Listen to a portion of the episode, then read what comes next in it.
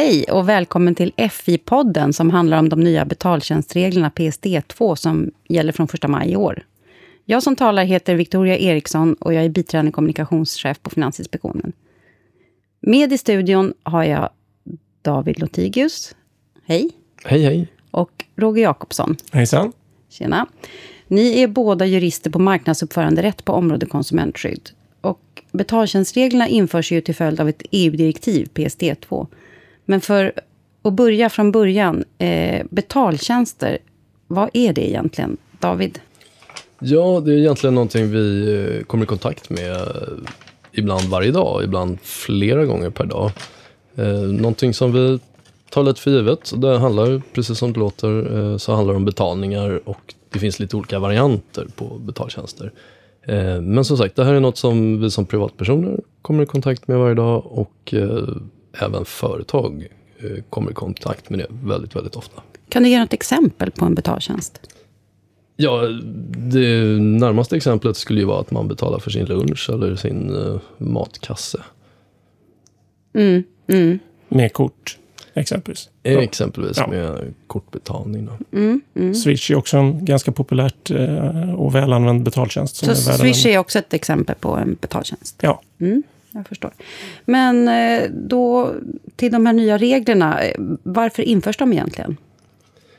Ja, eh, det har ju kommit ett nytt EU-direktiv som trädde i kraft i januari i år. Och i Sverige så har vi genomfört det här direktivet då, i form av en ny eller förnyad betaltjänstlag och sen har vi föreskrifter då från Finansinspektionens sida. Syftet med de nya bestämmelserna det är att utveckla marknaden för elektroniska betalningar. Så att vi ska få bättre betalningar och man ska även höja säkerhetsnivån för betalningar. Roger, du kanske vill utveckla lite? Där. Ja, men grund, grundtanken tror jag från, från EU är att vi ska eh, våga och vilja shoppa mer med, med annat än kontanter helt enkelt. Eh, och varje gång vi nyttjar eh, ja, en betaltjänst så, så, är det någon som ja, vi, har, vi har betaltjänstleverantörer som tillhandahåller de här och man vill att de ska göra det på ett säkert och eh, tryggt sätt för konsumenterna kan man väl säga. Det är en av huvudsyftena. Vad är det då som blir bättre för konsumenter, David? Ja, eh, till att börja med så får ju konsumenterna eh, kontakt med nya typer av tjänster som faller in under tillsyn och som alltså blir reglerade. Eh, och det här är tjänster som delvis har funnits tidigare under ett antal år. Men nu blir de då reglerade och kommer under Finansinspektionens tillsyn. Så det, det medför en ökad säkerhetsnivå även för konsumenterna. Då. Jag förstår. Eh, och, och, vad är det viktigt att de tänker på, Roger? Ja, som alltid när man eh, ingår avtal med någon så är det viktigt att tänka på vad avtalet säger. Um, som sagt, de aktörer som, som Eh, finns på marknaden, det finns många redan väletablerade aktörer som, som tillhandahåller välkända betaltjänster, men det kommer också en del innovativa eh, inom så kallade fintech-segmentet, eh, betaltjänster. Där är nya företag som har nya idéer som många gånger kan verka attraktiva och bra och säkert är det också. Men det är viktigt att man som kund då tänker på vad är det jag eh, avtalar om? Eh, och vad är det, vilka rättigheter ger jag den här aktören och så vidare. Eh, det är viktigt att tänka på. Mm, mm. Vill du fylla på, fylla på något där, David? Ja, jag tänkte det kanske är dags att nämna det här begreppet eh, tredjepartsleverantörer eh, som, som eh, eh Roger indirekt eh, nämner här då, och det handlar ju om en ny typ av mellanhand som ligger mellan betaltjänstanvändaren eller konsumenten om man så vill och eh, till exempel banken. Eh, och, det, och det här är någonting som finns i två typer av kategorier. Eh, och det handlar om leverantörer av betalningsinitieringstjänster och kontoinformationstjänster. Så det är de två kategorierna. Och kontoinformationstjänst, eh, det är en tjänst som typiskt sett eh, tappar av information om en persons eller företags Eh, betalkonto och sen skissar upp det och eh, visar det eh, i form av grafer och ja, olika typer av grafik. Då, så att man ska få en översikt över sin ekonomiska situation. Och betalningsinitieringstjänster, det är någonting som går ut på att sätta igång en betalning. Där har leverantören så att säga inte hela kedjan av transaktionen och handhar heller inte kundens betalmedel, utan det handlar alltså bara om att sätta igång en transaktion. Mm, jag förstår. Och vad, vad innebär de här nya reglerna för företagen på finansmarknaden? Roger, du kanske vill börja? Eh, ja, de innebär, för betaltjänstleverantörer då främst, så innebär de här en hel del saker. Ehm, särskilt för de företag som driver sin verksamhet med tillstånd enligt just lagen om betaltjänster, som de bara tillhandahåller betaltjänster i princip.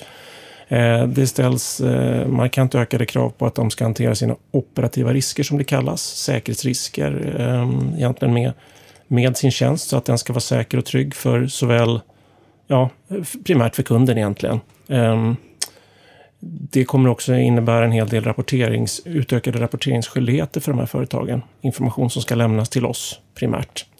Ehm, exempelvis incidenter. Eh, ifall de råkar ut för någon form av eh, problem i sin verksamhet så ska det rapporteras till oss.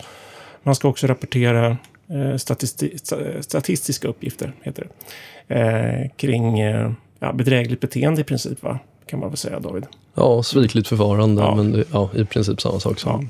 bedrägeri. Mm, mm, så det blir mer, mer rapportering och ökad säkerhet, det är syftet då för konsumenter. Innebär det här någon utmaning för storbankerna? Ja, det kan man säga. Eh, dels så finns det nya typer av skyldigheter för storbankerna och eh, andra kreditinstitut. Det behöver inte bara vara eh, just de fyra storbankerna.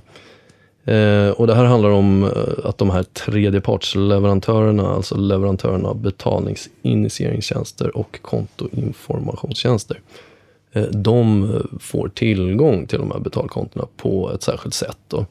Eh, och, och, det handlar om att de ska kunna kommunicera med kreditinstituten eh, via dedikerade gränssnitt. Eh, så det, det, här är ju någonting som fort blir väldigt tekniskt. Ehm, det är eh, någonting som inte är helt på plats i dagsläget, utan det här kommer falla på plats först eh, från med mitten av september 2019. Mm, Okej. Okay. Eh, och det här innebär förstås även då möjligheter för de nya, den nya konkurrensen, ökad konkurrens och så vidare, Roger? Ja, det stämmer, som, som du är inne på. Ehm, bankerna, eller de traditionella betaltjänstleverantörerna som är primärt då är bankerna, de, de eh, kommer att mötas av en ökad konkurrens och ehm, de här företagen som, som kommer, de har eh, ganska hög innovations...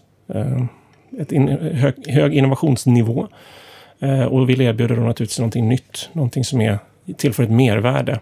Så att det är egentligen svar på den förra frågan också. Bankerna kommer utsättas för en ökad konkurrens. Eh, men de sitter å andra sidan på infrastrukturen för betalningar så att ja, vi får väl se hur det, hur det utvecklar sig. Eh, påverkas även företag som idag inte befinner sig på finansmarknaden av de nya reglerna, David? Ja, om vi, om vi tittar på leverantörerna av, av de här nya typerna av tjänsterna, då, tredjepartsleverantörerna, så, så har ju vissa av dem tidigare stått utanför eh, finansmarknaden. Eh, vissa har stått under annan typ av, av reglering. Eh, så det, det, kan ju vara nytt för dem att bli auktoriserade som exempelvis betalningsinstitut. Då. Eh, det, det, är väl en, en direkt konsekvens av det nya regelverket. Så det här innebär en del utmaningar eh, för egentligen för, för, för, samtliga kan man säga igen då? Ja, skulle man, eh, det kan man säga. Men, men som sagt, i förlängningen så är tanken att det ska leda till en en säkrare och tryggare eh, marknad för betaltjänster som förhoppningsvis är till gang för alla, såväl eh, företag som privatpersoner. Och ni har redan varit inne på det lite grann, men alla regler enligt det här direktivet är inte på plats nu. Så hur ser processen ut framåt? Eh, du får gärna berätta, David. Ja, eh, precis. Jag nämnde september eh, 2019 eh, som blir så att säga en viktig tidpunkt då för kreditinstituten som ska då kunna kommunicera på det här speciella sättet då med tredjepartsleverantörer.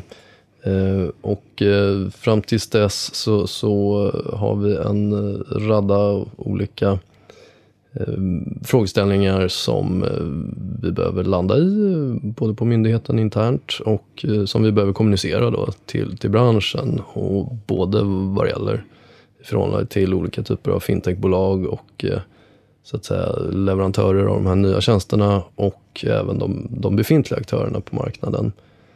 Så det här är någonting vi jobbar med löpande. Att hålla en god dialog med, med samtliga aktörer på, på marknaden. Mm, mm. Eh, vill, ville du också nämna någonting i det här sammanhanget, Roger? Nej, nej, det tycker jag funkar. Mm, mm, rätt heltäckande där. Mm. Och eh, som jag förstår så det här nya PSD2 då som, eh, nu, som vi talar om, det överlappar till vissa delar med ett mer omfattande regelverk eh, från EU som heter GDPR, dataskyddsdirektivet. Eh, du får gärna berätta hur, David. Ja, eh, GDPR eller eh, ja, dataskyddsförordningen då, om man ska vara petig.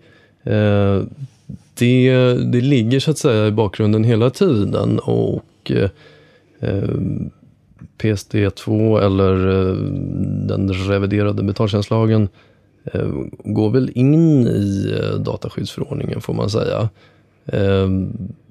Man kan väl säga att personuppgiftsbehandling enligt betaltjänstlagen eh, ska ske i enlighet med eh, dataskyddsförordningen då, eller GDPR.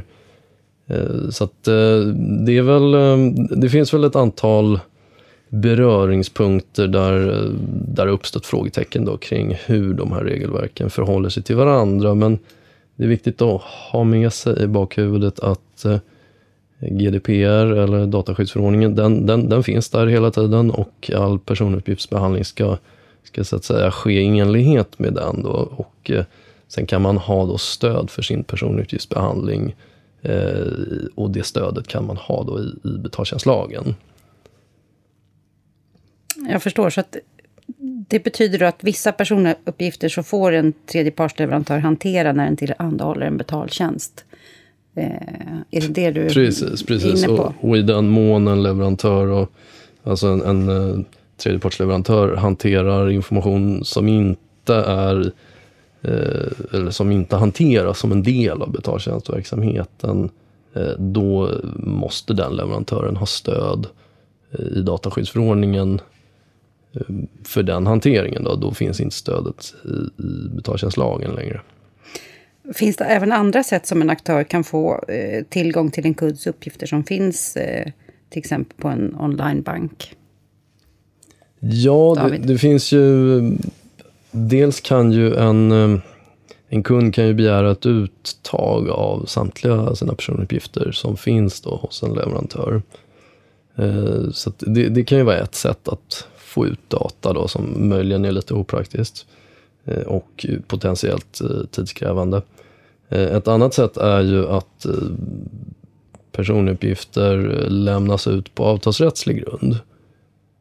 Och det förutsätter ju att det finns ett avtalsförhållande mellan tredjepartsleverantören och banken. Då.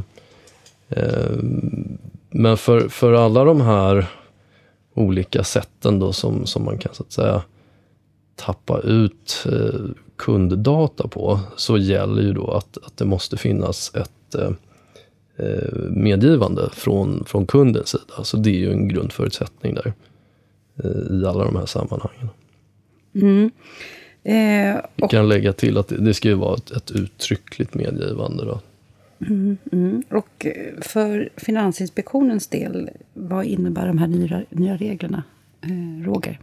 Ja, de innebär främst för oss att vi kommer att vi, vi har fattat ett beslut eh, utifrån bedömningen av hur det här regelverket, nya regelverket ser ut. Att vi eh, behöver om, omakturisera, som vi kallar det. Vi behöver alltså pröva samtliga betaltjänstleverantörers tillstånd igen. Betaltjänstleverantörer med tillstånd enligt betaltjänstlagen ska tilläggas. Eh, och det är väl ett 150-tal, tror jag, ungefär, företag. Någonstans 120-150, kommer inte exakt ihåg. Eh, och det här kommer att ske eh, över en period av ungefär något år, gissningsvis. Det ska väl vara klart i princip till sommaren 2019 då? Ja. Um, så att det, det, är klart, det, det, är ett stort arbete för oss, men också för företagen naturligtvis då, som behöver ansöka på nytt. Um, och uppdatera sin dokumentation då, vilket de i och för sig ändå ska göra då, men, men enligt de här nya kraven som tillkommer. Kan väl säga, eh, det, det här träffar inte kreditinstituten då, exempelvis, Nej. utan det är ju då primärt betalningsinstitut och eh, e-pengainstitut och eh, registrerade betaltjänstleverantörer. Alltså. Ja, stämmer. Mm, och hur kommer Finansinspektionen följa upp att eh, företagen följer regelverket? Ja, Roger nämnde tidigare krav på exempelvis incidentrapportering eh, Eh, och även då rapportering vad det gäller svikliga förfaranden eller bedrägerier. Eh, och det här är ju eh, väldigt intressanta uppgifter för Finansinspektionen och ligger till grund, eller kommer att ligga till grund för, för kommande tillsynsarbete. Så att Finansinspektionen lär sig var det finns brister i, betaltjänstsystemen. Och, ja, och det här är någonting som vi kommer följa upp löpande. Då, så att, mm. Det är det något du vill fylla på med också, Roger? Nej, men det är sant. Den här utökade rapporteringen ger oss um, en mängd ny information som vi kan titta på um, i någon mån då löpande. Um, så vi får helt enkelt se var, var problemen verkar finnas uh, och arbeta riskbaserat. Mm. Och uh, på FI så arrangerar vi ju löpande seminarier för branschen, FI-forum, för att eh, informera om regelförändringar och, och vår tillsyn. Och häromveckan så var du, David, en av de som medverkade när det var ett FI-forum på Nalen i Stockholm. Om just PSD2. Hur, hur var det? Ja, nej men det var ett förhoppningsvis uppskattat eh, forum. Eh, det var stort intresse, eh, uppåt 300 besökande. Vilka var där? Ehm, det var väl en hel del konsulter, advokatbyråer, men eh, även de flesta bankerna skulle jag säga eh, fanns representerade och eh, en hel del representanter från så kallade innovationsbolag då, eller fintech-sektorn. Vad fick ni för typ av frågor? Kan du ge något exempel? Eh, en hel del frågor eh, rörande rapportering och eh, exempelvis hur, rapportering för utländska filialer ska gå till och sådär. Men även frågor om hur den årliga rapporten för systemet för hanteringen av operativa risker och säkerhetsrisker och hur, hur det ska se ut. Och så så en, en hel del praktiskt relaterade frågor. Mm. Och det får faktiskt bli den sista frågan i den här FI-podden, för det är dags att avsluta för den här gången. Men vill du veta mer om PSD2 och vårt FI-forum så finns det att titta på i efterhand på fi.se PSD2. Och vi kommer att ta ett sommaruppehåll nu, men vi, vi hörs efter sommaren. Tack för att ni lyssnade.